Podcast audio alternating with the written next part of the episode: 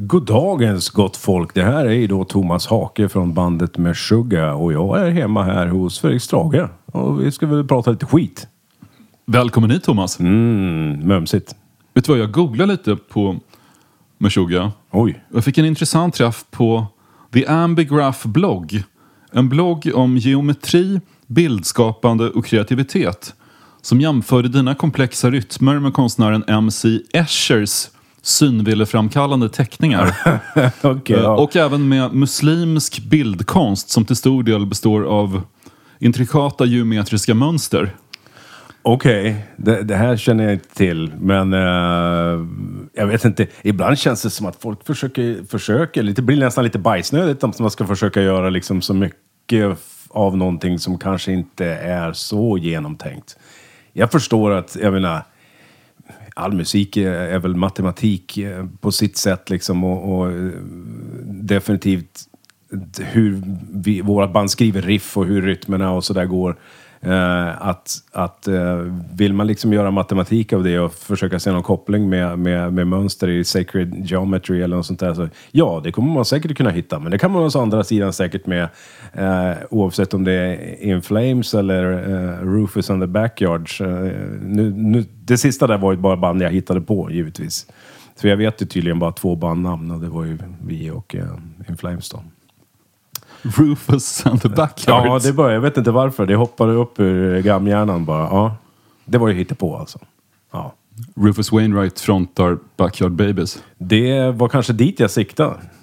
Det hade väl varit... Jag var först på väg att säga nice, men vi säger väl annorlunda bara. Men har du, ehm, har du sett MC Eschers bilder? Jo, ja, jo men det kommer man ihåg. Det Fåglar och här- fiskar som flyter ihop i. Ja, precis. Man kommer ihåg sådana eh, om man säger staircases som går och det, liksom, det stämmer inte. Och, mm, nej, men det kommer jag ihåg. Det var ju så här poppis på tischer på 90-talet. Kommer jag ihåg polare uppe i Umeå hade sådär. Ja, kolla MC Usher tischer liksom. Men, eh, ja, Men det- jag har lite svårt att se kopplingen ändå. Så. Det är intressant ändå att jag menar, all musik, alla regelbundna rytmer kan väl något sätt beskrivas som matematiska Ja, i något givetvis. avseende. Men att just ni kopplas till det. Ja, Det beror, det beror kanske på att den, den effekten som en Escher-tavla har, att du tänker nej men det här borde inte gå. Det här hänger inte ihop. just det. Det, det är något um, ologiskt Just i det. det regelbundna. Ja, precis. Det, det är något asymmetriskt i det symmetriska. Ja, precis. Det känns snarare som att någon då har liksom en koppling till vad de är emotionellt kanske känner när de lyssnar på vår musik eller när man tittar på hans bilder. Att man inte får det liksom att, sådär, att det inte makes sense på, sådär. Men, vad vet jag? Men det känns lite så. Det känns som att någon, eh, någon kommer med en annan utgångspunkt och verkligen vill att ja, men nu ska vi ju se koppling här mellan det här och, och det här. Jag skulle själv inte göra den kopplingen, men de säger ju att det är en fri värld.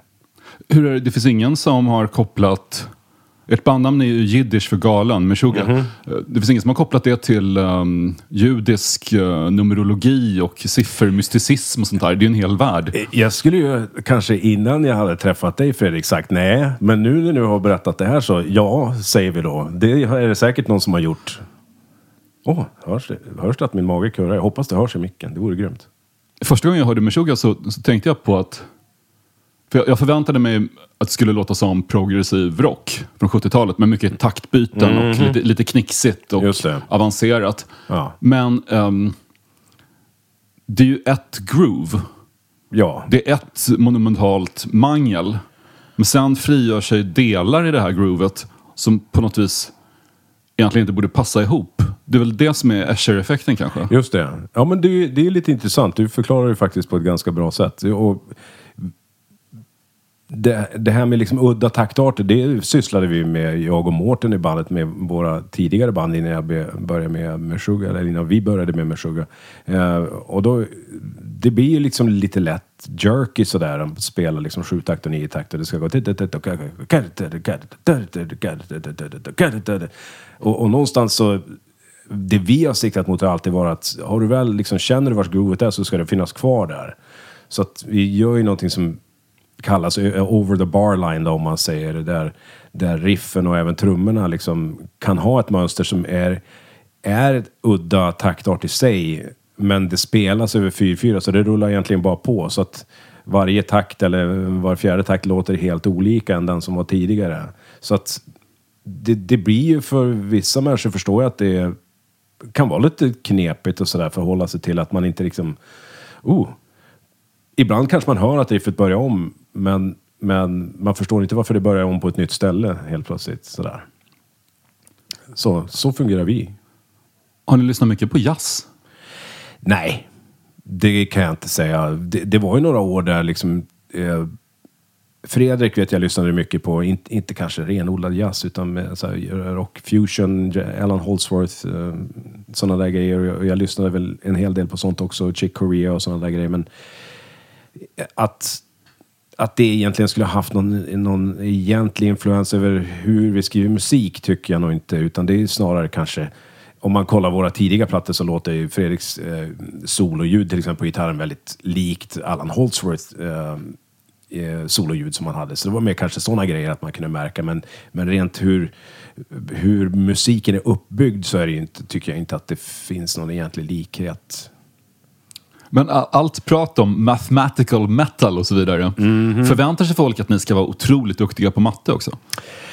Eh, ett tag var det nog så. Det, det gick en massa rykten och vi var professorer i allt möjligt. Det, jag vet inte, det var inte bara liksom slagverk utan det var ju matemat, matematik och det var allt möjligt. Liksom. Allt lögner givetvis. Och ingen av oss är egentligen speciellt bra på matte. Så att, nej, det har nog inte haft någon inverkan. Vad hade ni för eh, betyg i matte när ni gick i gymnasiet? Du, matte hade inte jag på gymnasiet kan jag säga. Det hade jag bara upp till högstadiet. Och det var högst mediokert mitt i ja, skolåren alltid varit någon sån där som inte de sämsta betygen, inte bra betyg. Mitt i typ riktig medelmåtta eh, egentligen. Eh, och ingen av oss tror jag var intresserad av skolan under skolgången på något sätt. Jag, jag tror för, för alla oss i bandet så det var liksom musik som gällde och det började redan liksom i 14 års ålder, 14-15 år. Sen var det liksom att man jobbade och var tvungen att ha ett jobb eh, och så vidare efter skolgången. Det var ju liksom ett nödvändigt ont bara för att man skulle kunna eh, syssla med musik liksom. Men, men eh, det, det, det var alltid varit liksom det som tror jag har drivit oss allihop. Och eh, de för, tidiga åren jag var med i Meshuggah, visst alla jobbade ju men det var ju ingen som ville jobba. Det var ju liksom bara så här, okej okay, det måste man göra. Men det, det är väldigt kul att de flesta metalband får försvara sig när folk kommer och tror att de är djävulsdyrkande psykopater som håller på att ha ihjäl folk med kniv. Medan ni får försvara er för folk kommer att tro att ni är matteprofessorer. Det är en, ja. ganska, det är en ganska unik position inom extrem metal ändå. Ja, det får man väl säga. Uh, jag vet inte det, det blir, ja, genom åren, det, det är så mycket folk som teoretiserar och tycker sig, eh, så här, förstår sig på det, som tycker att ja, men de gör ju så, det är ju så och så de gör. Men förvånansvärt många gånger, så, eller nästan alla gånger, så stämmer det inte alls. Liksom. Eh, så jag tycker att det är lite konstigt. Jag tycker inte att, att musiken i sig är, är, är så liksom konstig, om man nu ska använda det, det ordet. Eh, Åtminstone inte uttrycket det. Och det som du var inne på också, att man känner sig, men ett groove. När det där sitter där, då går ju det som regel liksom genom hela låten. Uh, och, och, har man väl fattat var, var den eh, pulsen ligger och börjat headbangas eller dylikt så kan du göra det till den pulsen i resten av låten och det kommer att stämma liksom. Uh, så att jag tycker ju inte i alla fall att uttrycket vårt att det är krångligt. Men visst, om, för att syna musiken eller för att på något sätt lära sig exakt vad det är vi gör eh, på någon typ av teoretisk nivå. Så, så okej, okay, då, då, då blir det ju lite invecklat förstås. Bara en mattegrej till. Jag läste någonstans att du alltid räknar alla trappor, trappor som du går i. Ja. Att, att, du även minns det exakta antalet trappsteg i alla ja. trappor som du har gått i. Det tyder ju ändå på att du är ganska bra på siffror. Ja, men det, det där är ju mer, tror jag, det hänvisar jag mer till psykisk sjukdom än någon form av uh, matematiskt kunnande. Jag vet inte varför. Jag håller på med det där sen jag var, alltså sen barnsben. Men du är inte så här Rainman, att du kan räkna exakt antalet tändstickor i en ask som faller till golvet? Eller? Absolut inte. Nej. Nej, nej, nej jag har inga, egentligen inga, inga, inga märkvärdiga kunskaper överhuvudtaget. Nej, men jag har en tendens att minnas däremot hur många trappsteg det är. Men jag, är- jag är konstig också, jag räknar ju inte varje trappsteg utan jag räknar ju bara eh, eh, varannat trappsteg. Varför det? För att du Eh, går... För att jag går som regel... Okej, du är lång. Så. Ja, så att... Men jag vet absolut sådär, ja, men om jag ska gå från tornet uppe i Sumpan ner till Vegagatan, det är ju 24,5 trappsteg och upp till mig är det 9,5. Om jag går hela vägen från nedre porten är det 19,5. Eh, Den sista, eh, lilla trappan är bara två och sen har du eh, sju, eh, sju på väg upp och sen är det 9,5. Eh, nej, åtta på väg upp nu. Och så sen, ja, i studion är det fem, ner till källaren är det tre.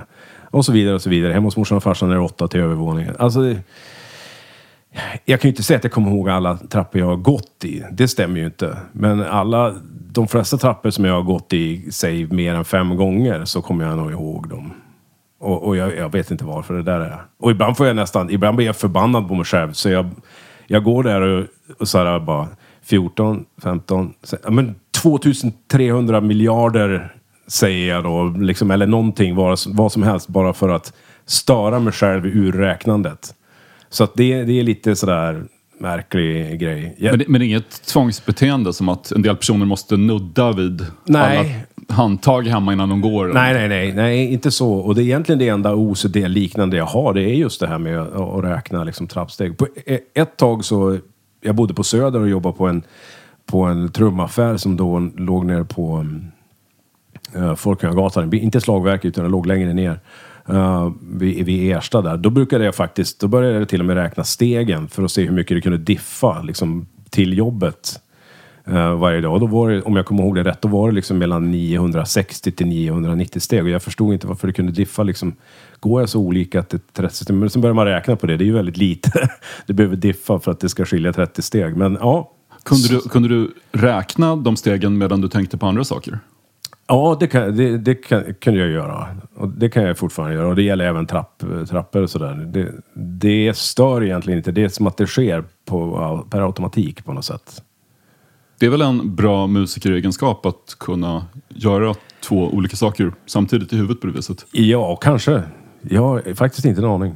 Men eh, det verkar ju mer psyksjukt än faktiskt någonting användbart. Men du kanske har rätt. Jag hoppas att du har rätt. Det kanske slår hål på myten om att trummisar skulle vara dummare än andra? Ja, nej, nu ska vi inte slå ihop på den myten så fort. Det tycker jag kan få leva vidare ett tag. Har, har du några bra trummisskämt? Nej.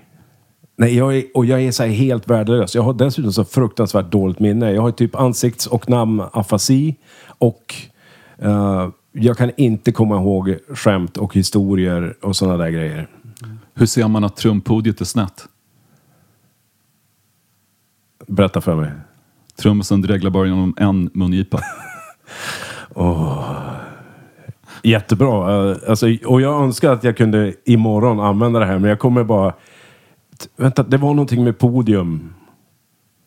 Eh, och så sen kommer det inte vara något mer än så. Så att, eh, jag, jag är helt värdelös på det sådär. Jag kommer ihåg en historia som jag fick berättad för mig som av någon anledning så här fäste på. Och det handlade om något spöke som bodde på en kyrkogård som tog så här puckelryggen av någon och sen gav den till någon annan. Men det, det är... Men vänta, du har ett skämt? Eller en Nej, nej, det är, en, spökhistoria? det är en spökhistoria. Och det är typ den enda jag kommer ihåg. Av alla historier som jag har hört berättade för mig i, i mitt liv.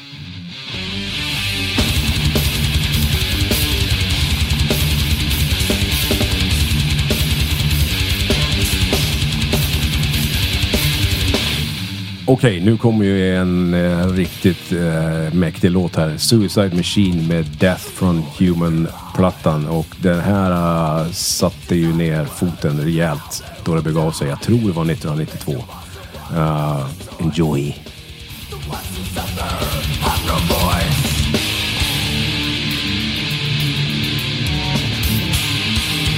Manipulate by the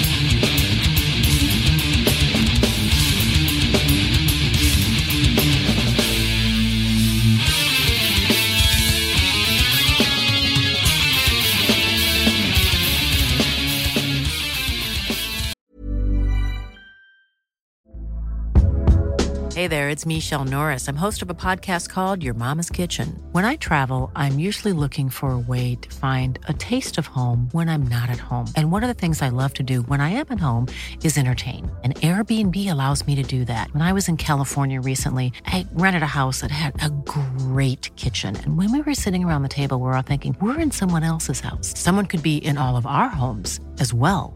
If you have a home, but you're not always at home, you have an Airbnb. Your home might be worth more than you think. Find out how much at airbnb.com/slash host. Ryan Reynolds here from Mint Mobile. With the price of just about everything going up during inflation, we thought we'd bring our prices down. So to help us, we brought in a reverse auctioneer, which is apparently a thing. Mint Mobile unlimited premium wireless. Ready to get 30, 30, bit to get 30, bit to get 20, 20, 20, bit to get 20, 20, bit to get 15, 15, 15, 15 just 15 bucks a month. So, Give it a try at mintmobile.com slash switch. $45 upfront for three months plus taxes and fees. Promo rate for new customers for limited time. Unlimited more than 40 gigabytes per month. Slows. Full terms at mintmobile.com. Life is full of what ifs. Some awesome, like what if AI could fold your laundry? And some, well, less awesome, like what if you have unexpected medical costs? United Healthcare can help get you covered with Health Protector Guard fixed indemnity insurance plans. They supplement your primary plan to help you manage out of pocket costs. No deductibles, no enrollment periods, and especially no more what ifs. Visit uh1.com to find the Health Protector Guard plan for you. Mäktigt. Ta den tillbaks. När hörde du den första gången då? Det var nog där ganska precis då den hade släppts. Eh, Jag tror det var 92. Mm, Ja, 92. Jag, tror, jag bodde hemma hos Jens Kidman, våra sångare då, kommer jag ihåg, uppe i Umeå. Jag hade ingen egen lägenhet. Och, och, eh, jag tror det var han som spelade där för mig första gången. Och vi lyssnade på den där otroligt mycket, kommer jag ihåg när jag bodde där. Den gick varje dag. Så det, det var en sån här platta som bara, oh, oh, oh, bra skit. Men du kommer inte från Umeå, du är från Örnsköldsvik. Ja, precis. Jag och Mårten, gitarristen, vi är ju eh, från Örnsköldsvik då. Växte upp tillsammans från lekisåldern och gick i samma klass hela skolgången. Sabbatsår efter nian, gick snickarlinjen efter, efter sabbatsåret. Jag och hade ju band tillsammans också då, Barophobia var ett band som vi hade. Uh, och sen uh, Fanns det en stor metalscen i Örnsköldsvik Nej. på 80-talet? Nej, nej det fanns det inte. Alltså metalband. Då när vi tonår, det fanns väl några stycken. Fanns det några lokala stjärnor? Ja och ne- nej, inte metal. Det fanns ju liksom så här hårdrock och det fanns ju flera kristna hårdrocksband och sådär. För att eh, i alla fall då var ju per capita Örnsköldsvik antagligen ett av de liksom starkaste sådär eh, f- eh, f- pingst och frireligiöst liksom uh, städer du, kan, du kunde hitta i Sverige. Misstänker jag i alla fall på den tiden. Så det, det fanns liksom, jag, var, jag spelade själv i ett eh, kristet hårdrocksband, en liten stint som hette Limit. Men det fanns, flera, det fanns flera stycken band där som, som, som liksom höll på. Och metal var egentligen inte... Det fanns ju några grabbar sådär, något gäng från olika delar sådär som, som spelade metal. Men, men eh, nej. Alltså vi hade ju ett, ett otroligt häftigt ställe som heter Musikhuset som vi faktiskt fick repa i. Som jag kommer ihåg det så repade vi där gratis.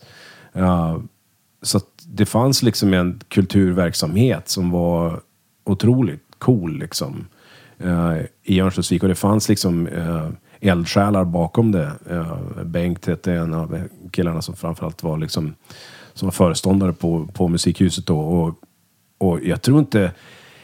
Alltså det hjälpte ju oss enormt och de åren som är liksom väldigt sådär formativa år, man säger när man är tonåren tonåren sådär.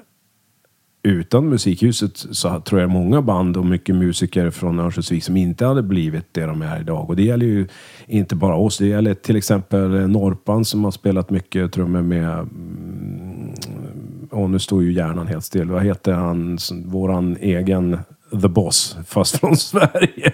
Ulf Lundell. Ja, tack så mycket. Alltså, det där är min hjärna, det är namnafasin som kommer fram. Jag kan bara se han framför mig, och, och, men namnet går inte att plocka fram. Ja, precis.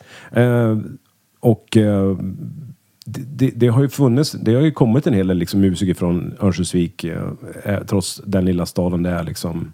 Och även folk som sitter i, i, liksom, i tv-sammanhang och spelar, liksom, oavsett om det är keyboard eller trummor, som Morgan Höglund som har suttit med, spelat på Idol och så vidare. Så där, va? Vad ville du bli när du var liten? Eh, trummis. det började tidigt. Hur kom du på det? Uh, jag, jag, vet inte. Morsan och farsan berättade för mig att ibland så kunde de hitta mig. Så hade jag typ stängt in mig i någon garderob och så satt jag med händerna och bara dunkade på någon liten så gammal kakburk eller, eller något. Det fanns ju såna här... Du kommer ihåg de här som hade ett gummilock och så var det olika formade hål och så fick man klossar. Så här. Småbarn skulle liksom man lära sig så här, ja men stjärnan passar ju inte i halvmånen utan det var ju så här för att träna eh, det lilla barnets hjärna. Och jag tror jag kommer ihåg vagt sådär att det hade lite coolt ljud när man slog på det där gummilocket liksom. Så att det var nog ett, ett av de första liksom trumliknande instrumenten. Och då, då kunde de hitta mig som treåring sådär, sitta i någon garderob och, och slå på den där liksom. Eh, men eh, det, ja, fascinationen för trummor började liksom tidigt. Det började liksom redan i 3-4-5 års åldern. Sen växte det liksom bara mer och mer. Men tidiga år sådär fram till att jag var 6-7 år gammal, då var det liksom mer inte att jag kunde spela det, utan det var mer bara så här, jag gillade hur det såg ut. Det var en annan fascination med bara hur, vad, vad, vad ett batteri eller ett slagverk, vad det var för någonting och, och hur det lät och så vidare. Så där. Vad jobbar dina föräldrar med? Pa pallar de liksom att ha en son som spelade trummor från att du var tre år gammal tills du flyttade hemifrån? Ja, det var nog... Ibland var det ju inte kanske superroligt för dem. Och framförallt inte efter jag fick mitt första liksom, riktiga akustiska trumset. För det flyttade runt i huset. Det var ju ibland i, i pannrummet i källaren, vilket inte störde kanske så mycket. Men i, ett tag var det på med pojkrummet på övervåningen och då lät det ju väldigt mycket i hela huset. Uh, så att det, det, det flyttades runt. De var väl inte sådär super, eh, kanske, uh, superäggade i, i just valet av instrument jämt. Men... Men det var roligare än blockflöjt? Ja, men man började ju med det. Det var man ju tvungen. Så det började ju egentligen med blockflöjt. Så fick, sen var jag tvungen, jag på att säga. Sen spelade jag även kornett. den mindre trumpeten, om man säger, spelade jag under ett antal år. Och det var liksom lite grann sådär att för morsan och farsan, men speciellt tror jag morsan var pådrivande att ja, men ska du ha ett trumset då måste du, du måste spela någonting annat också. Så det var liksom så här, ja men och i och med att jag väldigt, väldigt, väldigt gärna ville ha ett trumset så hade jag ju sagt ja till i stort sett vilket in, annat instrument som helst. Men det slutade med att jag lärde mig faktiskt att spela kornett och satt till och med i någon, någon sån där eh, brassorkester eh, under något år eller ett par år när jag var lite äldre. Men... Spelar de musik också, dina föräldrar? Ja, morsan är pianist och hon var pianolärare också. Hade mycket eh, elever som kom hem till oss och sådär. Och, och farsan är ju gitarrist. Inte rockgitarrist, alltså han spelar med alltså ackord, ackordgitarrist. Men, eh, och det var ju lite, det känner man så här, vad synd att man inte lärde sig det. För att det var ju någonstans, i alla fall som jag fungerade när jag var barn, så var det, det var ju det ocoolaste du kunde göra. Det är ju att spela någonting som morsan och farsan spelade. Så att morsan var ju på mig så här, men ska du inte, jag kan ju försöka lära dig lite piano. Och så här, mm, nah. Och samma med, med gitarr. Så jag kan ju varken spela piano eller gitarr som vuxen, men man ångrar det ju. Uh, när man blev vuxen. Men som barn då var det ju så här, nej, nej du, jag ska inte tro att jag vill spela det du spelar morsan. Hallå. Jag är ju lite coolare än så. Så att, uh, ja, det är lite ångest man har över det.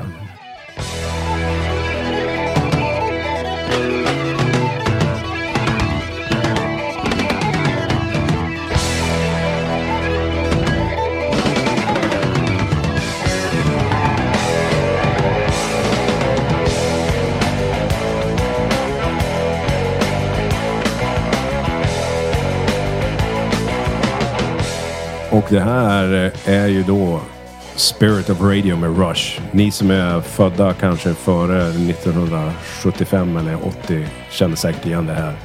Ni andra, ni kan dra.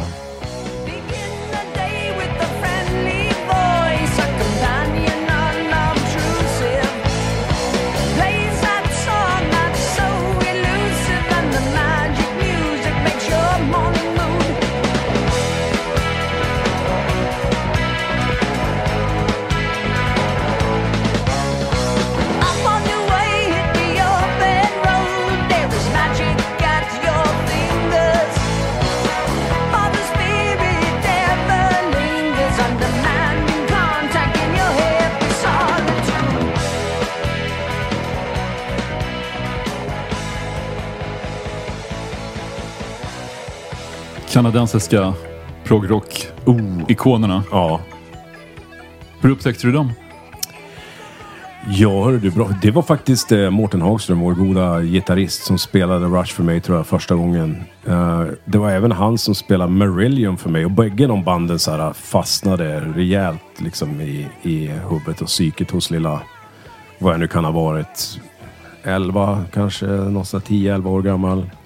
Eh, och höll sig kvar länge. Det finns ju fortfarande kvar liksom, men det Idag så, så lyssnar jag liksom aldrig på Marillion längre men, men Rush händer att jag drar på i, om jag sitter och kör bil långväga eller sådär. Jag har ju fortfarande en gammal sån där CD-växlare så jag har en sån eh, gammal CD... Eh, ja, sån här med, med typ 100 CD-skivor i som ligger under sätet där. Så det, jag kör old school och, och det hände faktiskt eh, emellanåt. Men, men åren där, liksom, om man säger under, tonåren framförallt och fram till att jag var kanske 20-25 så lyssnade jag väldigt mycket på, på Rush då. Så de, de var en viktig del. Och det var även, det var även eh, Neil Peart, då, trummisen i, i Rush och, och, de som band som var den första... Jag tror jag, jag var nog 16-17 år innan jag förstod att han som trummis faktiskt skrev texterna. Uh, vilket Ja. du också gör Ja, i precis. Meshuggah. Och det var lite grann, tror jag, där det började. Att liksom, det vart en, liksom en ögonöppnare lite sådär att jaha. Ja, Okej, trummisar, som trummis kan man också, alltså, det behöver inte nödvändigtvis vara sångaren liksom, som skriver texterna. Eh, och, och det levde sig väl kvar i mig tror jag lite grann sådär. När jag började med Meshuggah så började jag ganska snabbt och sådär kände att jag ville skriva liksom texter medan Eh, de, eh, alltså Jens och Fredrik då i bandet, de kände väl snarare tvärtom att de inte var så sugen på att skriva så, texter. Så att det, då blev det liksom naturligt att jag tog över den rollen liksom mer och mer. Och även Mårten då som jag växte upp med ehm, kom ju in ett par år senare i, Imersuga Meshuggah och han har ju också skrivit en hel del texter genom åren. Och även nu senaste skivan då, Immutable, så har han ju har vi nästan delat 50-50 på, på textskrivandet då för den. Så. Hur hamnade du i Umeå? Var det för att du fick um, jobb i Meshuggah helt Ja, enkelt? precis. För de, de startade 87 och du kom till stan 90 tror jag. 90, precis. Eh, Och då var du jag var 19 då. 19. Eh, och eh, det var via en kille som jobbade på uh, musikanten, musikaffären där uppe som heter Krickan. Han, uh, ser som sedermera flyttade till Stockholm och förlåt, jobbade på slagverket. Eh, han... eh, jag var uppe där emellan och tog bussen upp för att det var lite kul att se på andra musikaffärer än de som vi hade i Örnsköldsvik. Så det hände ibland att jag åkte upp dit liksom. Eh, bara, på, bara egentligen för att, för att gå runt och kika i en, en trumaffär, liksom, en musikaffär. Eh, och eh, då Krickan, han sa liksom att ja men Meshuggah, de söker ju ny trummis nu. Och jag var så va? För jag hade ju hört dem. De släppte ju en EP 89 som jag hade hört liksom jättemycket och jag tyckte de var skitbra. Hur, hur lät de då? Var det mer thrash metal? Ja, det var det ju. Det var mycket mer liksom Metallica, Anthrax, influenser, den stilen liksom. Eh, betydligt mer rakt på sak då om man säger. Eh, och eh, det var så jag kom i kontakt med dem. Så han fick mitt nummer, då, han gav det numret till Jens eller Fredrik och de hörde av sig. Och, och sen åkte jag upp och provlira lite grann och sådär. Och så på den vägen blev det. Hur var metalscenen i Umeå på den här tiden? Det var ju strax innan hardcore gjorde Umeå till en världsangelägenhet. Egentligen var hardcoren starkare redan då jag började tror jag. Så det fanns ju metalband absolut. Men, men Meshuggah var redan då jag började antagligen, eller ja, med största säkerhet. Alltså det var ju det största metalbandet där då. Men du hade ju också då uh, eh, alltså Refused och andra band som, som vi gjorde mycket, det var mycket så här spelningar på, det var ett ställe där som hette Galaxen och då var det ganska ofta så här blandat, att det var metalband och hardcore. Så det var nästan sådär eh, lite eh, spänning nästan emellan liksom genrerna sådär. Och, och på ett sätt så tror jag att det, det var nog väldigt viktigt och jag tror liksom lite grann den här tävlan mot hardcorebanden eh, var en viktig del i att forma oss som band och vilka vi blev. Och vi hade ju lite grann, det fanns fortfarande lite gnuttra influenser av liksom hardcore i det vi gjorde. Um, blandat med den, liksom, den här metal-stilen. Och, och sången, om man säger, har ju alltid varit liksom atonal. Det har ju inte varit liksom någon melodisång eller grejer. Och egentligen är det en style som ganska mycket kommer från hardcore, lika mycket som det kommer från någon form av metal då. Det kanske mer var klädstil och frisyr som skilde sig åt mest. Ja, men lite grann faktiskt. Och, och, och visst, då var det ju så här att ja, men spelar man metal då drack man ju bärs. Och spelade man hardcore då drack man inte överhuvudtaget. Det var ju liksom, det var lite så i Umeå på de, just de där tidiga första åren som jag var där uppe. För då var det ju straight edge liksom och, och ehm, sätta eld på, på slakterier och du vet, den, den där stilen. Men blev det någonsin konflikter? Jag tänker att många hårdrockare kanske kom från en lite mer så traditionell Ja, nej, inte, nej, stil. Liksom, att inte man, vad jag kommer Att man tyckte ihåg. att uh, unga arga veganer var lite jobbiga. Nej, nej inte, inte som jag kommer ihåg det i alla fall. Alltså, vi, vi har nog alltid haft ganska bra relationer, hade bra relation till även hardcorebanden så, som, som var där. Uh, så det var väl inte, det var väl liksom mer genom musiken, att man försökte liksom vinna publikens gunst sådär. Uh, men men uh, hardcoren var ju, väldigt, var ju väldigt stark där under första halvan av 90-talet, det är inget snack. Och, och, och det kom ju flera liksom väldigt bra band därifrån som sen blev stora. Liksom. Hur, var det jobbigt om hardcore kids skulle stage-diva när ni spelade? Det var ju mycket sånt. För de, där, den scenen har en annan typ av publikinteraktion. Ja, Medan hårdrockare kanske står och headbangar så Exakt. Och Hör det till att halva publiken ska vara på scen? Ja, men det, det är lustigt att du säger det. För det kommer jag ihåg faktiskt störde mig ibland att jag kommer ihåg att om det var en sån där liksom mixed eh, dagsfestival på Galaxen där det var metal och hardcore blandat, då skulle ju de här kidsen, de skulle ju upp och inte bara stage dive utan de skulle gärna stå på scenen länge. Och det var ju liksom, om du kollade på Refused då så kunde det ju vara liksom 20-30 pers som stod på scenen, som bara liksom stod där. För det var så liksom New York hardcore såg ut och, och hardcore från andra delar av världen. Liksom.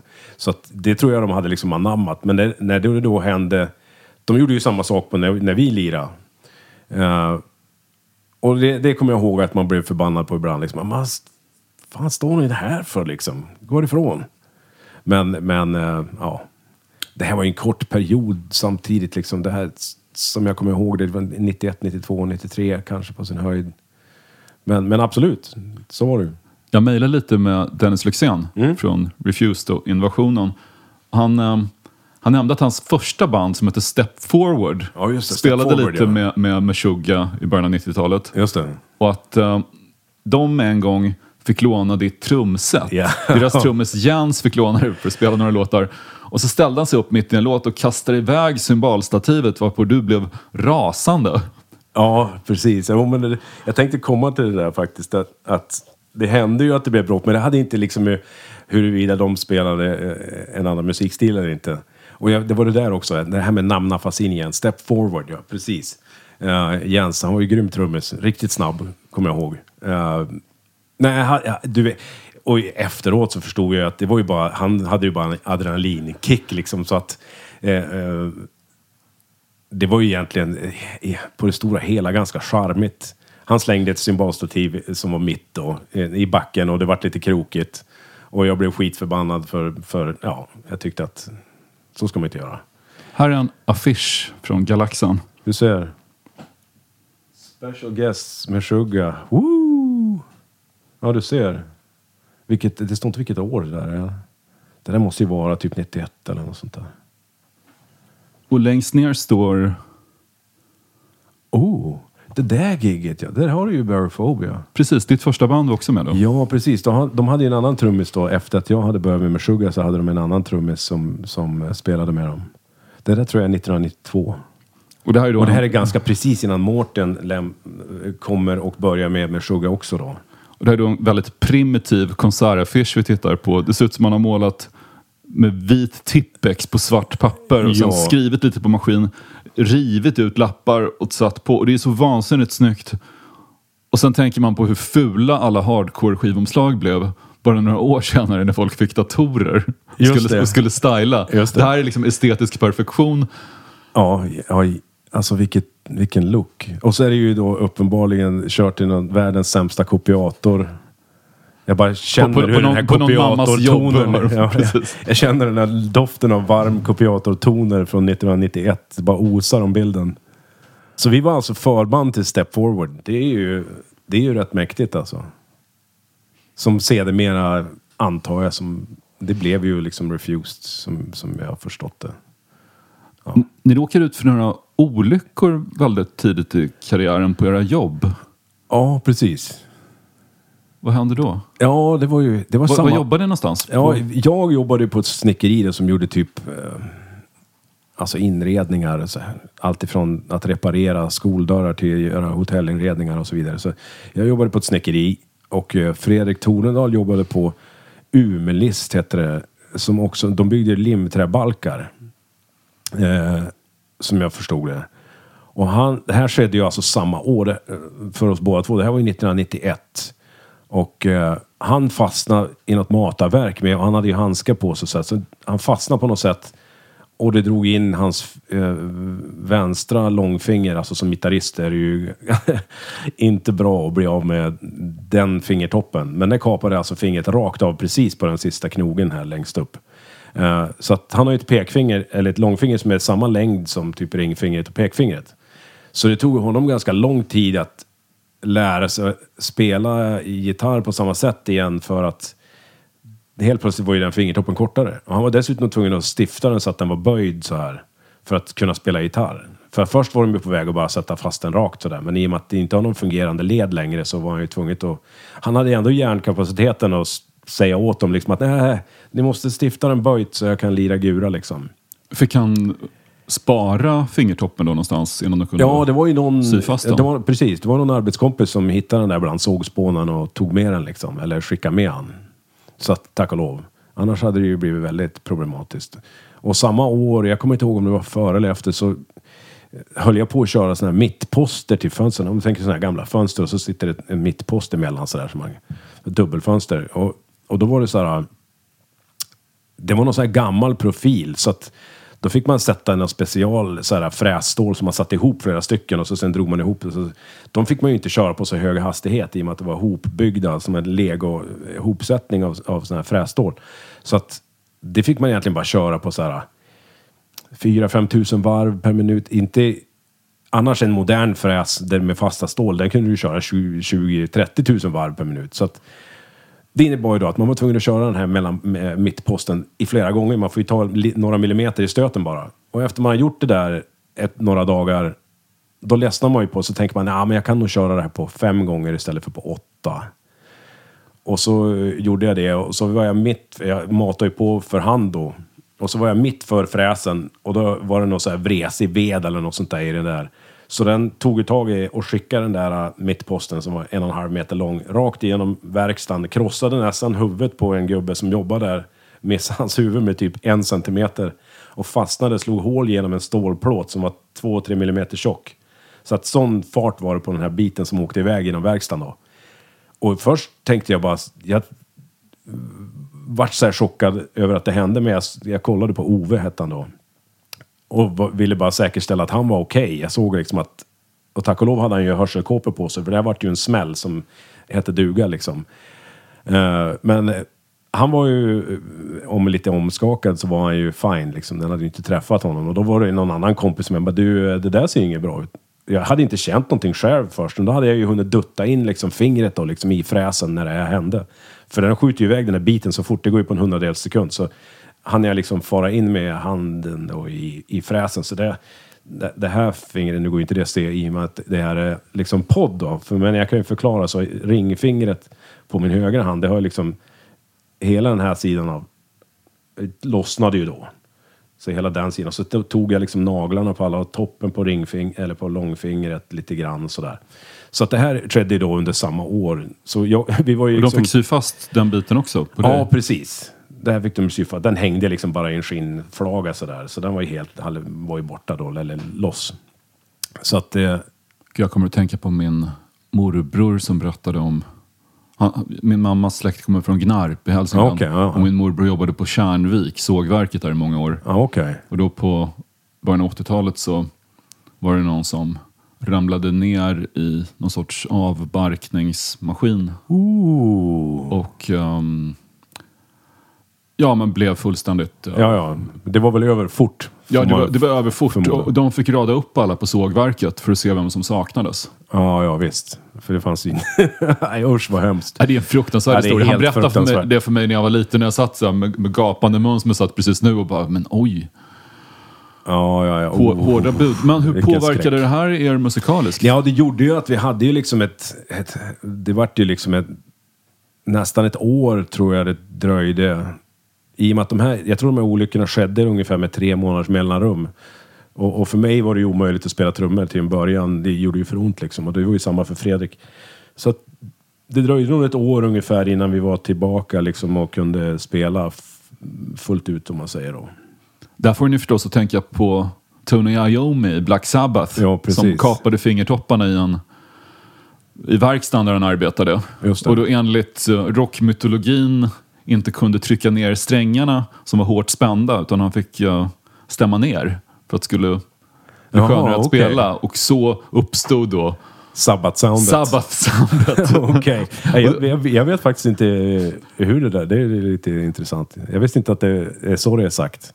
Jag har faktiskt dålig koll på just den Jag, är inte helt säker på att det är 100% sant. Det är, en, det är en bra historia att eh, han skadade händerna i en olycka och var tvungen att eh, göra strängarna lösare för att det skulle, inte, Just det. För att skulle göra mindre ont att Men spela. se, hade han, har han något, så här, något syntetiskt, alltså någon typ av grejer han har sett på fingrarna eller blev han liksom av? Jag, jag har aldrig förstått det där. Om han faktiskt har fingertopparna kvar eller om han har haft någonting som ser ut nästan som fingerborgar som han har spelat med. Vi googlar. Vi, vi, nu, ska, nu ska vi googla här. Tony Iommi. Fredrik Strage, han vet minsann hur man googlar. När han var 17 år gammal så förlorade Tony Iommi eh, fingertoppen på långfingret och ringfingret på höger hand. Han är vänsterhänt. Och de sa till honom att du kommer aldrig kunna spela igen. De hade fel. Finns det olika grader av fel? För jag skulle vilja säga att i så fall hade de ganska nära 100% fel. För att kompensera för det här så skapade han tydligen små proteser Just det. som han har spelat med. Oklart om han fortfarande spelar med dem. Du ser. Men- Så det fanns någon typ av... eh, Det var inte någonting som jag bara drömt ihop, att han gick omkring med fingerborgar på, på scen. Och eh, på tal om Tony Iommi så huruvida hans fingertoppar eh, existerar eller är ersatta av eh, annat så kommer här nu en av världens hårdaste låtar eller tyngsta låtar en gång i världen. Black Sabbath med Black Sabbath. Ja, oh, det skulle ju vara dramatiskt på den tiden. Man skulle ju ha en massa extra ljud. Gärna någon som ror och kanske lite fåglar. Och... Någon som ror. Det vet jag Barophobia hade på en demo. Efter att jag hade slutat så var det någon så här... Det började med någon, att någon rodde tror jag. Och så sen var det någon sån här tidig eh, gitarrsyntmodul man kunde sätta på gitarren och så lät det typ som flöjt istället för, för gitarr. I och för sig man tänker sig att någon, det är Karon som ror de döda över till Hades Ja, eller ja, någonting ja. så finns det nog ändå något metal i det. Ja men, i, rodd. ja men sen vet jag inte, britterna är ju tokiga i det där. För Pink Floyd har ju också använt det, har ju börjat skiva med rodd. Eller med så här, nu är ju inte det här rodd, det här är ju regn. Men, men eh, någonstans så här väderrelaterat, väder slash eh, elementrelaterad start. På eh, Momentary Lapse of Reason tror jag det är som börjar med någon som ror. Och man hör det plaskar i vattnet lite sådär från åren och grejer. Vilket ju givetvis är smaskens.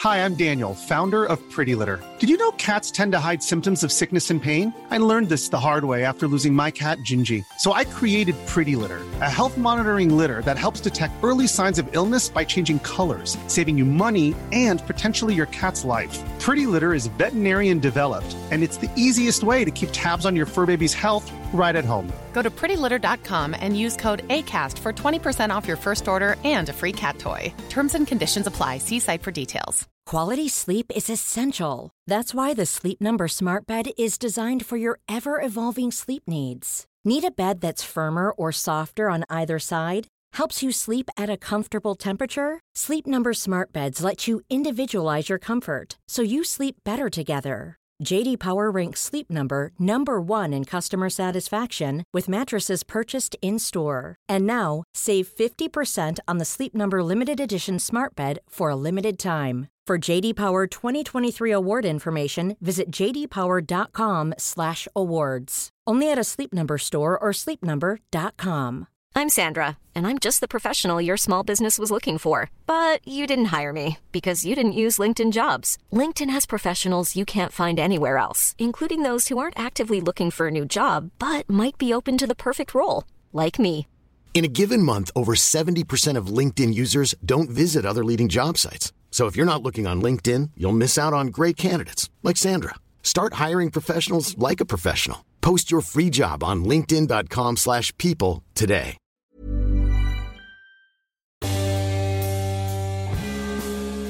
Under pandemin så drabbades du av eksem på ett märkligt vis. Ja, precis. Det började ju innan, precis innan pandemin drog igång. Så fick jag ju, började jag få eksem inne i händerna.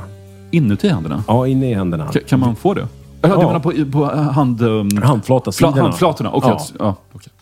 Eh, och, Jag trodde det var på insidan av huden som någon ja, sorts ja, ja, superinfektion. Jag antar att det försiggick någonting inuti också. Men ja, precis. Eh, och eh, det började ju då på tummarna och pekfingrarna på bägge händerna. Och vart ju så illa så att Alltså det gick ju inte, jag kunde ju inte spela trummor utan att tejpa en massa och använda handskar och grejer. Vilket, vilket jag fortfarande gör, men nu har det ju börjat gå till sig efter, efter tre år.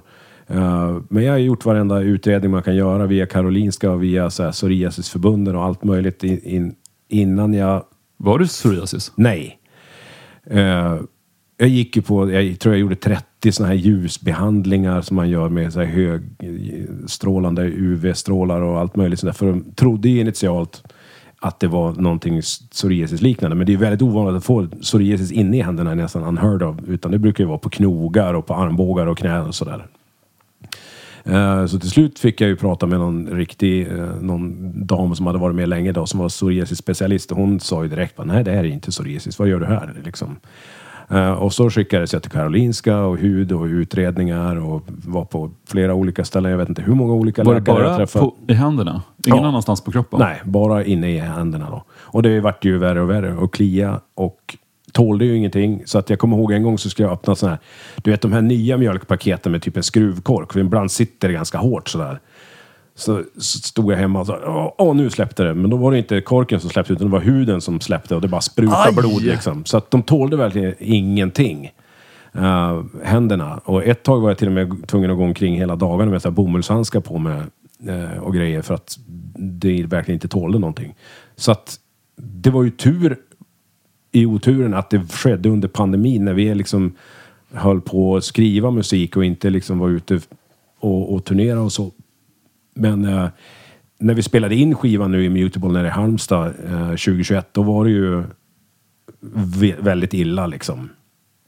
Så att det, jag var ju tvungen att, att tejpa väldigt mycket då, fingrar, tummar eh, och eh, använda handskar då och sätta grepptejp på, på stockarna och så vidare. Men, men eh, sen pratade jag faktiskt med en, ja, nu är det ju det här med namn Afasin, så jag kommer inte komma ihåg hans namn tyvärr.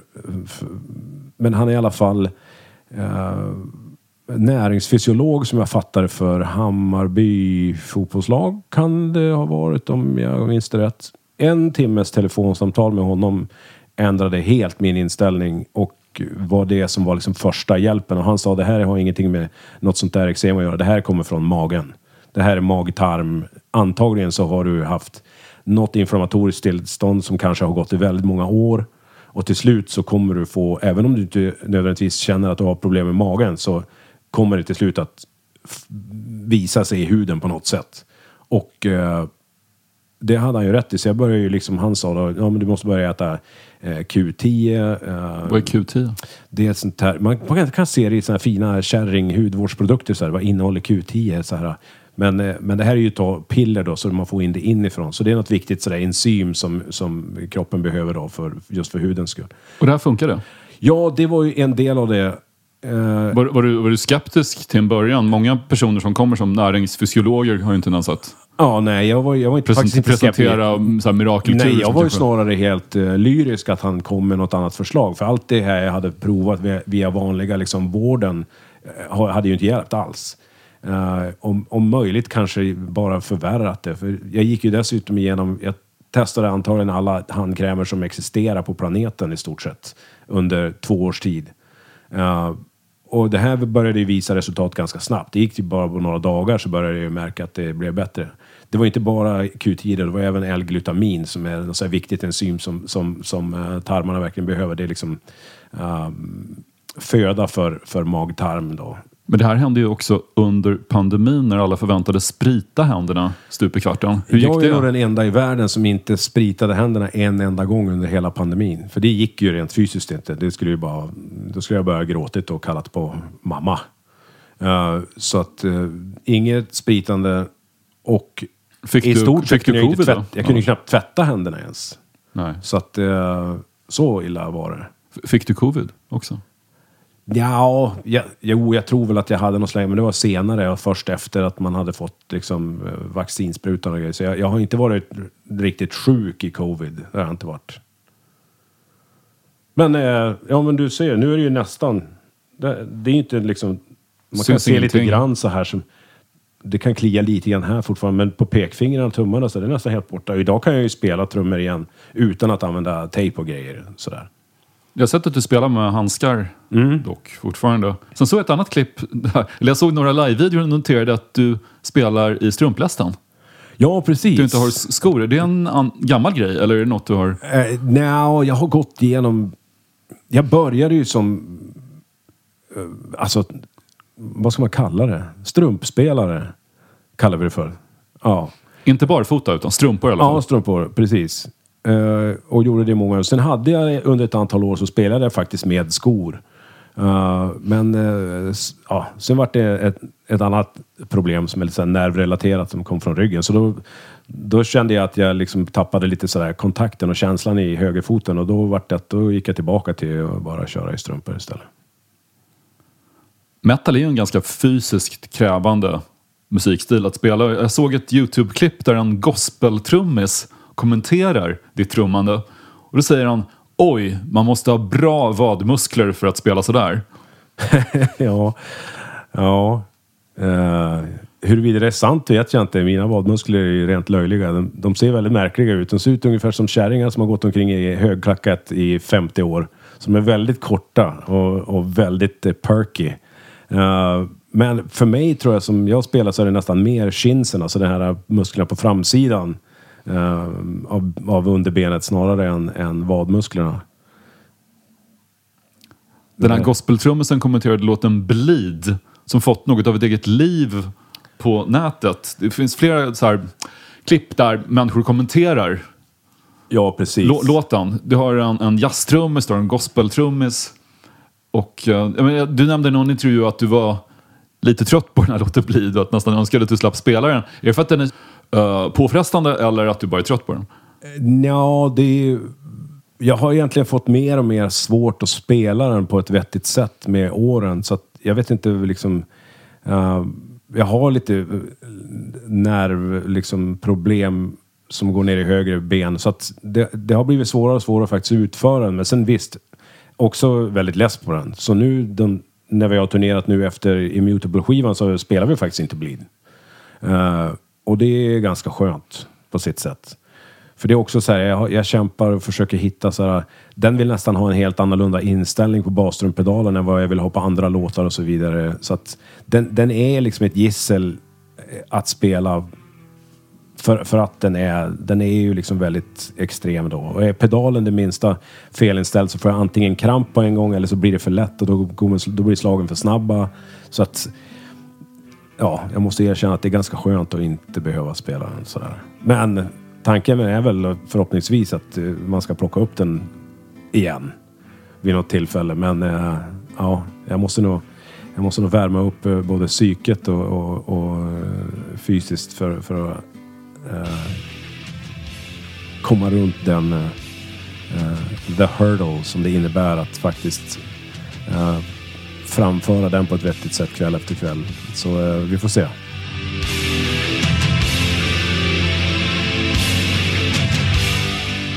Ja, det här gott folk tror jag ju de flesta av er känner igen.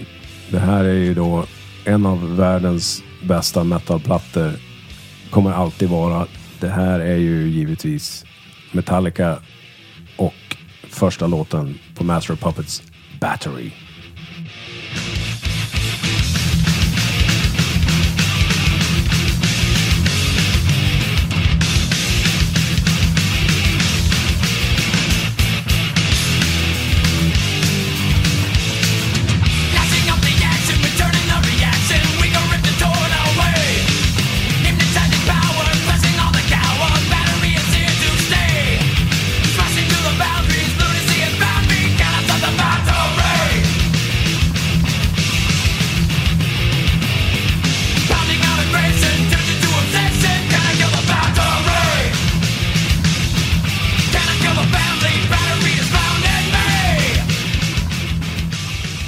När Jeff Hanneman i Slayer drabbades av en köttätande bakterie så kändes det nästan som något han hade kunnat skriva en låt om.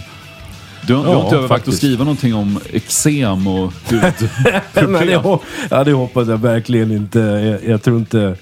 Eh, sen i våra texter och Slayers texter ganska, skiljer sig ganska markant åt. Så jag vet inte, det, det är inte riktigt utrymme för eksem eh, relaterat tror jag. I, i våra, jag måste tänka på den lite grann. Eh, men eh, jag hoppas att jag aldrig skriver någonting om, eh, om eksem. Men ja, det var ju otroligt tragiskt alltså det som hände med Jeff Hanneman. Och det, det, jag vet inte hur många som... Givetvis de som är hängivna Slayer-fans vet ju att eh, han skriver mycket. Typ de låtarna som jag älskar mest med Slayer, de riktigt sådär evil sounding låtarna, eh, är ju många, de flesta av dem faktiskt han som har skrivit. Och, eh, så att det var ju en, eh, en stor sorg att han eh, försvann. En låt som jag fastnade för på er senaste skiva var Armies of the Preposterous. Som verkar handla om en attack av idioter. Ni sjunger om A conviction saturated with imbecility, adopting the course of the blind och sen The old armies of the misled rebuild, reassemble. Det låter som um, neofascismens återkomst eller Ja, någonting. du är, det är ju Men- helt, du är helt inne på rätt spår. Och det, och det är ju liksom... Alltså under några år var det kanske lite mer sådär synligt och påtagligt vad som hände, liksom inte bara i Sverige utan i Europa och sådär, i, i världen i övrigt. eh, Med, med liksom extremhögern, liksom ny, ny, på nytt födande nästan känns det som efter, efter liksom årtionden av, av, av där det känns som att det, det, det, det var någonting som levde mer i skymundan och givetvis fanns där men, men sen var det som att det, de de fick ett rejält uppsving och håller väl fortfarande på liksom i någon form av uppsvingsfas. Och, och det är ju väldigt skrämmande. För mig är det väldigt skrämmande. Så att det, det, du var helt inne på rätt spår där. Det är liksom neo, neofascismens återkomst och, och lite grann sådana här hänvisningar till uh, som Jerichos Trumpets Blaring. För de, uh, tyskarna hade något sånt där de spelade Eh, någonting i vissa eh, bombplan och grejer när de attackerade. Jag vet inte om det var under blitzen eller om det var liksom generellt under andra världskriget sådär att det hände att eh, och det kallades då, i, som jag förstått det i folkmun, för Jericho Trumpets kallar de det för. För att Jerichos trumpeter, det skulle ju ljuda vid domedagen och så vidare. Så, att, så det, det finns liksom lite hänvisningar till, så, till sådana grejer liksom, i texten där också. Men det, du är helt rätt. Du har helt rätt, min gode herre. Din flickvän Jessica Pimentelli är amerikan. Mhm. Och uh, känd som skådis. Hon är med i eh, Orange is the new black. Ja, Som, precis. som de flesta kanske vet. Men har hon påverkat din syn på USA? Har, har du lärt dig mer av det landet genom att vara tillsammans med henne? Ja, på sitt sätt. För att jag har ju tillbringat mycket tid där. Så man har ju sett eh, och följt liksom amerikansk politik och rent sådär eh, skicket på politiken och på människor i allmänhet i det landet. Kanske på ett annat sätt än vad jag nog hade gjort om jag inte, om jag inte hade träffat henne. Så att, Varifrån kommer hon? del- vilken stad? hon är, från, hon är född och uppvuxen i Brooklyn. Och för henne till exempel då som New Yorker och alla andra som jag vet som jag har lärt känna igenom henne som, som är därifrån så är ju Donald Trump alltid varit ett skämt till exempel. Alltså de verkligen avskytt karln lång, sen långt innan han eh, började liksom eh, kastas in i politiken. Och, och eh, för, för mig och jag tror för de flesta i, i länder utanför USA så är, är det ju nästan helt så här man vet inte om man ska skratta eller gråta att han, en sån person typ kunde ta sig in och bli president i ett sånt land. Jag menar, han är, kom igen liksom. Man förväntar sig ändå att, det, att människor ska, ska, ska på något sätt uppnå någon form av liksom standard, både som, som, som eh, tänkare, vetare, men även som bara människa liksom. Så att, eh, ja, utan att gå in för mycket på det, Absolut. Det, det är klart att jag har liksom varit med, medveten om, om, om saker där och, och, liksom, och, och, och det som är kanske mest skrämmande är ju egentligen hur mycket dumma människor det finns. Och det finns det ju givetvis överallt i världen men här har det liksom på något sätt, han har ju hjälpt att ge den dumma människan en röst. Och social media och så vidare har ju liksom hjälpt att du har liksom tusentals, tio, hundratusentals outlets med människor som lyssnar på människor som ingen någonsin skulle ha lyssnat på om det inte vore för att det har gjorts möjligt. Jag känner mig så dum som klagade så mycket på George W. Bush för 20 år sedan. Ja, och precis. tyckte att han är den sämsta presidenten någonsin. Nu tänker jag mig, kom tillbaka snälla. Ja, precis. Allt är förlåtet. Exakt. Ja, det har du rätt i. Jag har känt exakt samma sak. Sen är jag lite chockad ändå av Trump. När jag hörde talas om honom, det var en, det fanns en hiphop-tidning som hette Vibe. Jag minns det, väl. Jag köpte den i New York, jag läste Vibe och stort reportage om Donald Trump. Och om hur populär han var bland rappare och hiphoppare. Att han Just var...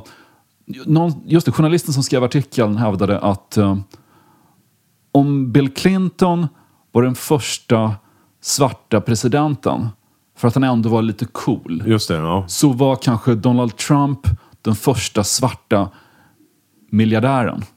Ah, Ehm, okej. För att han är så cool och han hänger med Jay-Z och han hänger med Russell Simmons och han hänger med Kanye West. Just det.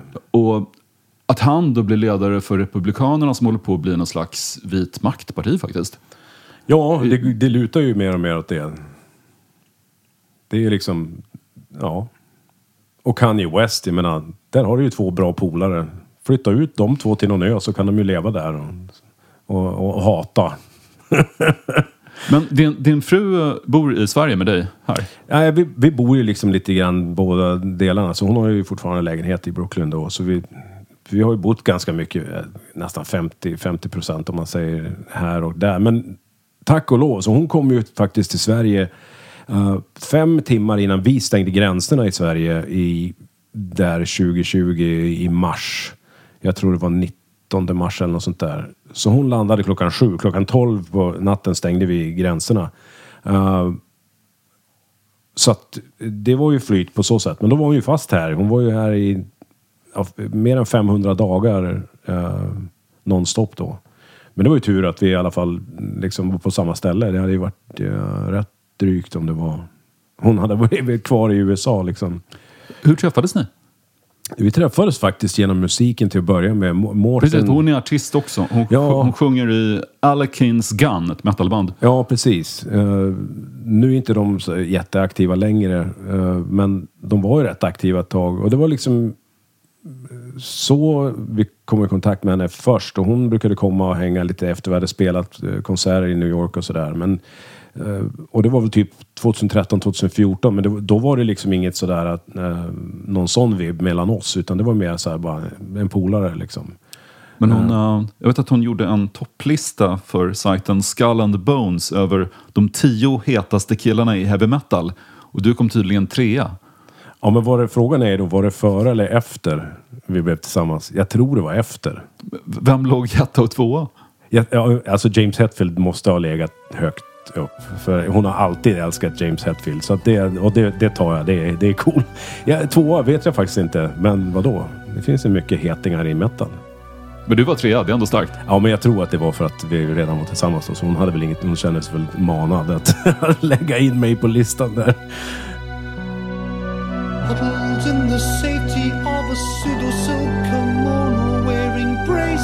Huddled of understanding.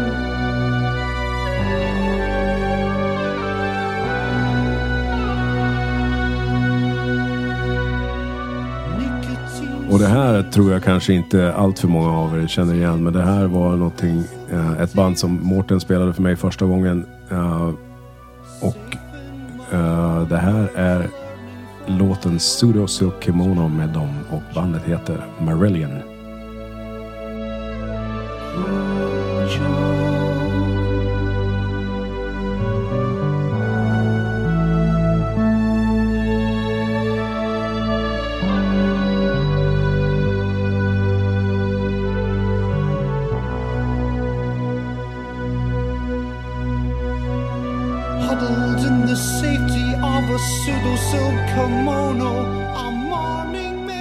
Syntigt och symfoniskt. Är ju, oh ja, precis de två grejerna. Symfoni, synt, rock, alla tidigt 80-tal.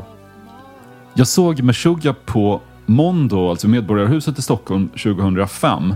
Och mellan två låtar så sa er sångare Jens, köp vår nya skiva och dega ner er i ett hörn med hörlurar. Som om eh, det perfekta sättet att avnjuta Meshuggah, eller i alla fall den skivan, Catch 33 som du gjort då, Just det, ja. var att ligga ner med hörlurar. Men eh, jag vet inte, det verkar ju röjas precis lika mycket på era spelningar som på andras. Det är kanske två olika lägen. Ja, det tror jag väl. Eh, För det här Marillion som vi lyssnar på nu är verkligen Ja, det är hörlurar i en soffa. Ja, det är det ju verkligen. Det är någonting helt annat givetvis. Jag, jag vet inte, vi, jag menar någonstans så vill vi ju och försöker väl liksom hålla liksom att även om vi har tyngre låtar så vill man att det ska vara liksom ösigt tungt och inte bara liksom segt. Uh, uh, Cash 33 var ju liksom mera ett konstigt eh, experiment slash projekt som, som egentligen var för att vi försökte slippa undan sista eh, skivan på vårt eh, kontrakt med Nuclear Blast. Eh, och vi hade först tänkt bara skicka dem en sinuston i 45 minuter. Eh, men jag tror, ja, det var väl lite naivt. Men vi satte oss i alla fall så här vid en dator och bara, men vi kanske ska göra någonting. Och sen slutade det med att det blev ett eh, projekt som pågick i många månader och det var liksom en enda lång låt som är 47 minuter. Eh, Eh, anledningen till att nu på skivan så om du sätter in den i en skivspelare och hoppar mellan låtar så är det så här att det makes no sense. För att det finns egentligen inga låtar men de, skivbolaget tvingar oss att sätta titlar. För att vi kan inte släppa en skiva som är en låt, fattar ni väl? Så att eh, att det är olika titlar eh, på skivan är helt enkelt för att skivbolaget tvingar oss. Men vadå, ni är ett progressivt metalband. Det är väl så här formulär 1A att göra ett album som bara är en enda lång låt. Man tycker ju det. Ja. Man tycker ju det. Du skulle ha varit vår skivbolagschef helt enkelt Fredrik.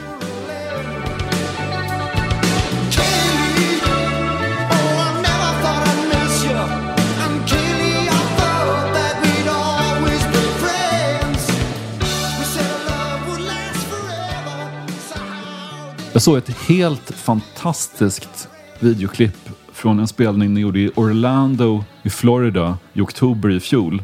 Klippet heter Man Activates Beast Mode och visar hur en man, ganska så här, rund kille med bar överkropp, sitter ner på golvet i en moshpit och mediterar medan ni laddar igång för att spela, tror jag, Bleed kanske. Och folk står runt den här mannen och bara peppar honom och bara skriker. Och det är som att de fyller honom med energi. Och till slut så slår han upp ögonen och han reser sig upp. Och så bara vrålar han. Och sen drar moshpiten igång. och det är en sån... det, jag vet inte om du har sett det här klippet. Jo, det, jag har det, det, det är jo, en jo, ja, precis. underbar Jag- stämning ja, sett det, ja. bland de här människorna som är så här fullständigt extatiska och våldsamma och samtidigt ser man att de tycker om varandra så väldigt, väldigt mycket. Ja, precis. Det fångar liksom Ja. Essensen av- av heavy metal på något vis. Ja, men precis. Eh, Och be, menar- be, beast mode är ett uttryck som brukar användas på gym. Någon går in i beast mode Ja, och liksom precis. gymmar stenhårt. Exakt. Ja, jag har sett det där klippet. Det är lite smått fascinerande. Och någonstans säger så här, jag har ju varit på metalkonserter liksom, om man säger tidigt 90-tal och sådär. Kommer jag ihåg vi var i, i Florida, jag och Jens och en, en eh, byssa, en gammal polare till oss.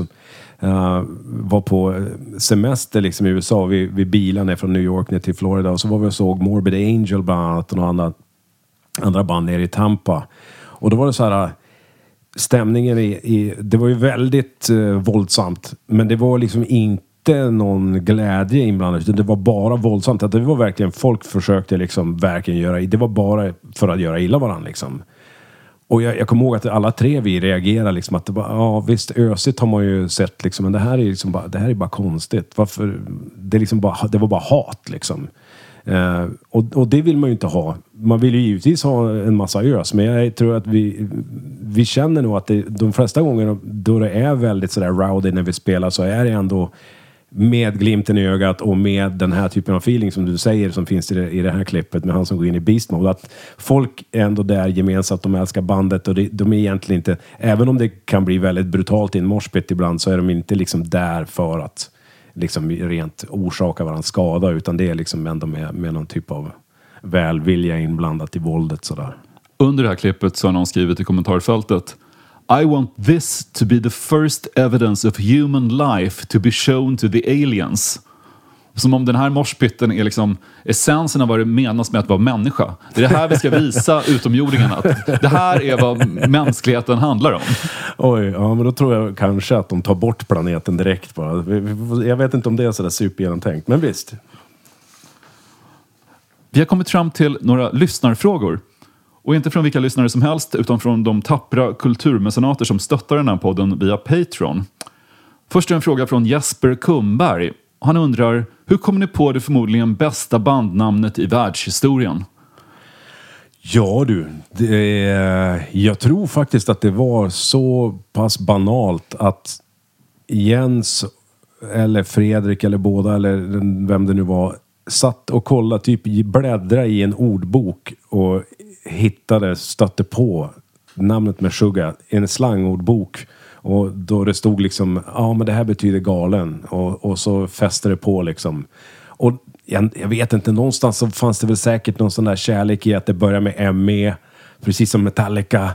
M, det är ju coolt liksom. Första bokstav i ett namn. Jag vet inte, men det var säkert relativt banal nivå vi pratade om varför det faktiskt blev just det bandnamnet. Men sen och som med många andra bandnamn kan man ju tycka sig egentligen, va, hur, hur, hur coolt är ett bandnamn som Metallica eller Anthrax eller... eller, Meg- Anth- Anthra- Anthrax är supercoolt. Ja, för sig. Anthrax är ju faktiskt supercoolt. Metallica är lite som Beatles. Det, det är inte... Ja, men det men men med mycket- är ju stenhårt. Det Det, finns är ju väldigt- galen på jiddisch. Ja, precis. Det finns ju väldigt mycket bandnamn som egentligen, om man så här, verkligen plockar isär det, plockar bort det från vad bandet i sig innebär, så är det så här, ja, det är ju rätt keckigt bandnamn. Men sen med åren och med, med, med tiden så där så spelar det egentligen ingen roll. Så, att, så även det mest keckiga bandnamnet, har det bara funnits tillräckligt länge så är det som så här, ja men det är, det är bra. Det är ett bra bandnamn liksom. Har folk ibland trott att ni är judiska? Ja. Har ni spelat i Israel också kanske? För, nej. Ja vänta nu. Jo, en gång.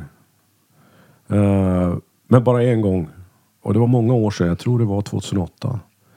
Eh, men det, det tror jag liksom nu för tiden, jag menar det är bara en googling bort så, så fattar man att vi inte liksom har någon judisk koppling sådär. Eh, men men det, det definitivt. Här är en fråga från Jörgen Krysell. Går det att vara med Suga och tänka enkla takter? Eller ligger det liksom i ert väsen att vara förgrundsgestalter inom det progressiva med intrikata takter och gung? Vad säger man där? Egentligen är det väl... Vi säger ju alltid så här att vi försöker inte att göra eh, liksom krånglig musik. Det är inte det som är liksom det styrande väsendet i, i hur vi fungerar. Men någonstans så vill vi ju skriva saker som för oss låter intressant och någonting som känns fräscht och nytt. Som ny, eh, liksom nya grepp för oss. Och då, då blir det liksom bara det här av det. Och sen med, med tiden så blir man ju mer och mer formad av, av vilka man redan är som band. Så att det, det, liksom, det blir bara svårare och svårare att på något sätt ta sig ur det. Och det är inte någonting vi vill ta oss ur heller. Vi vill bara skriva någonting varje skiva och varje låt helst om det går och varje riff om det går. Att det här känns coolt och nytt och någonting som vi inte har gjort förut. Så, och då blir det det som dikterar och då låter det tydligen så här. Och sist en fråga från Zoltan Tar. Har Thomas och hans flickvän, som ju också är musiker, planer på att göra något i musikväg ihop? Ja, vi har haft planer på det. Eh, och vi, jag tror till och med att någon av oss, eller bägge av oss, eh, lät det eh, eh slinka ur våra munnar att vi skulle göra någon, något projekt tillsammans. Men faktum är att, inte hennes fel, helt och hållet mitt fel. Jag är, jag är så lat och gör gärna annat när jag inte behöver liksom spela med Meshuggah eller göra låtar till Meshuggah. Så det har liksom inte blivit något av det än. Vi har väldigt, väldigt mycket idéer. Vad, vad gör du annars då, förutom musiken? Om du vill? Nej, nej. Om, om, du, om du är lat och inte gör något annat? Ja, ja, men precis. Jag är lat och vill hellre göra ingenting än att göra Absolut något annat. ingenting. Absolut ingenting. Mm. Okej, så du är ingen annan... Det är inte så att du snickrar fortfarande? Eller Nej. något sånt där? Nej. Du gör, Nej, det gör bokstavligt talat ingenting? Bokstavligt talat.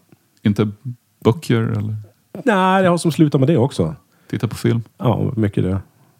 Jag läste mycket fram till för kanske ja, men sådär sex, sju år sedan. Och sen när eh, liksom alla de här apparna med film. Jag har ju alltid varit liksom cineast och alltid älskat liksom film och så. När det liksom verkligen fick grepp sen dess har jag tror jag inte ens lyft i en bok. Vilket är tragiskt men eh, det var det.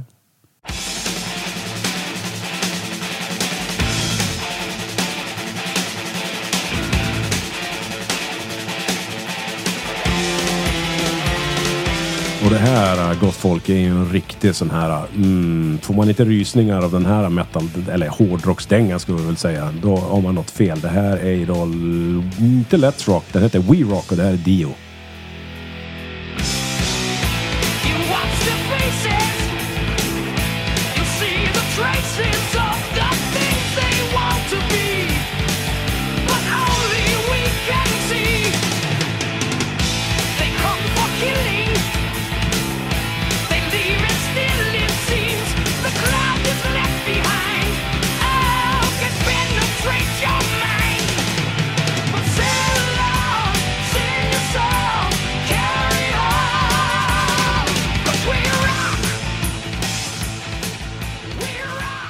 Vilken röst ändå.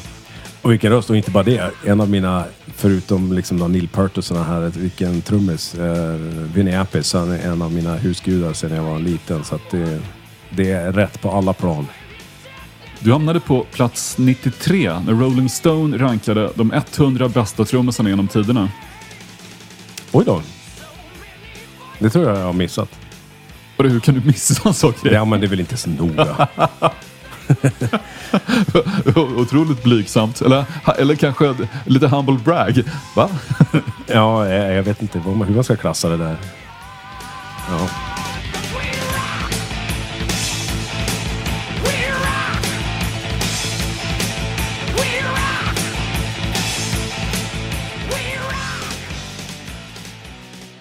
Jaha, men eh, nu eh, herr Strage och eh, våra goa lyssnare ute i etern. Säger man fortfarande etern? Är det eter på internet? Är internet ett etermedium? Ja, det är ju det som är frågan. Ethernetkablar finns det ju, så det måste ju vara etern då. Annars skulle det ju heta internetkablar. Nu heter det ju ethernetkablar. Ute i cyberspace kan Ja, du säga ja, istället. Det är ett i- fint gammalt uttryck. Ja, ute i cyberspace. Nu har det blivit dags för mig att gå. Eh, jag måste fika och sen eh, gå på toaletten. Thomas, tack för att du kom hit. Tack så mycket, Fredrik.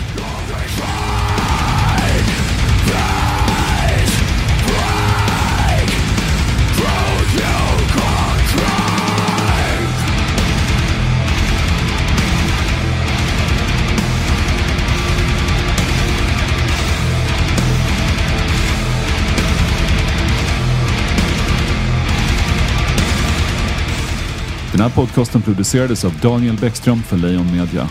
Thomas Haka från Meshuggah var hemma hos Drage.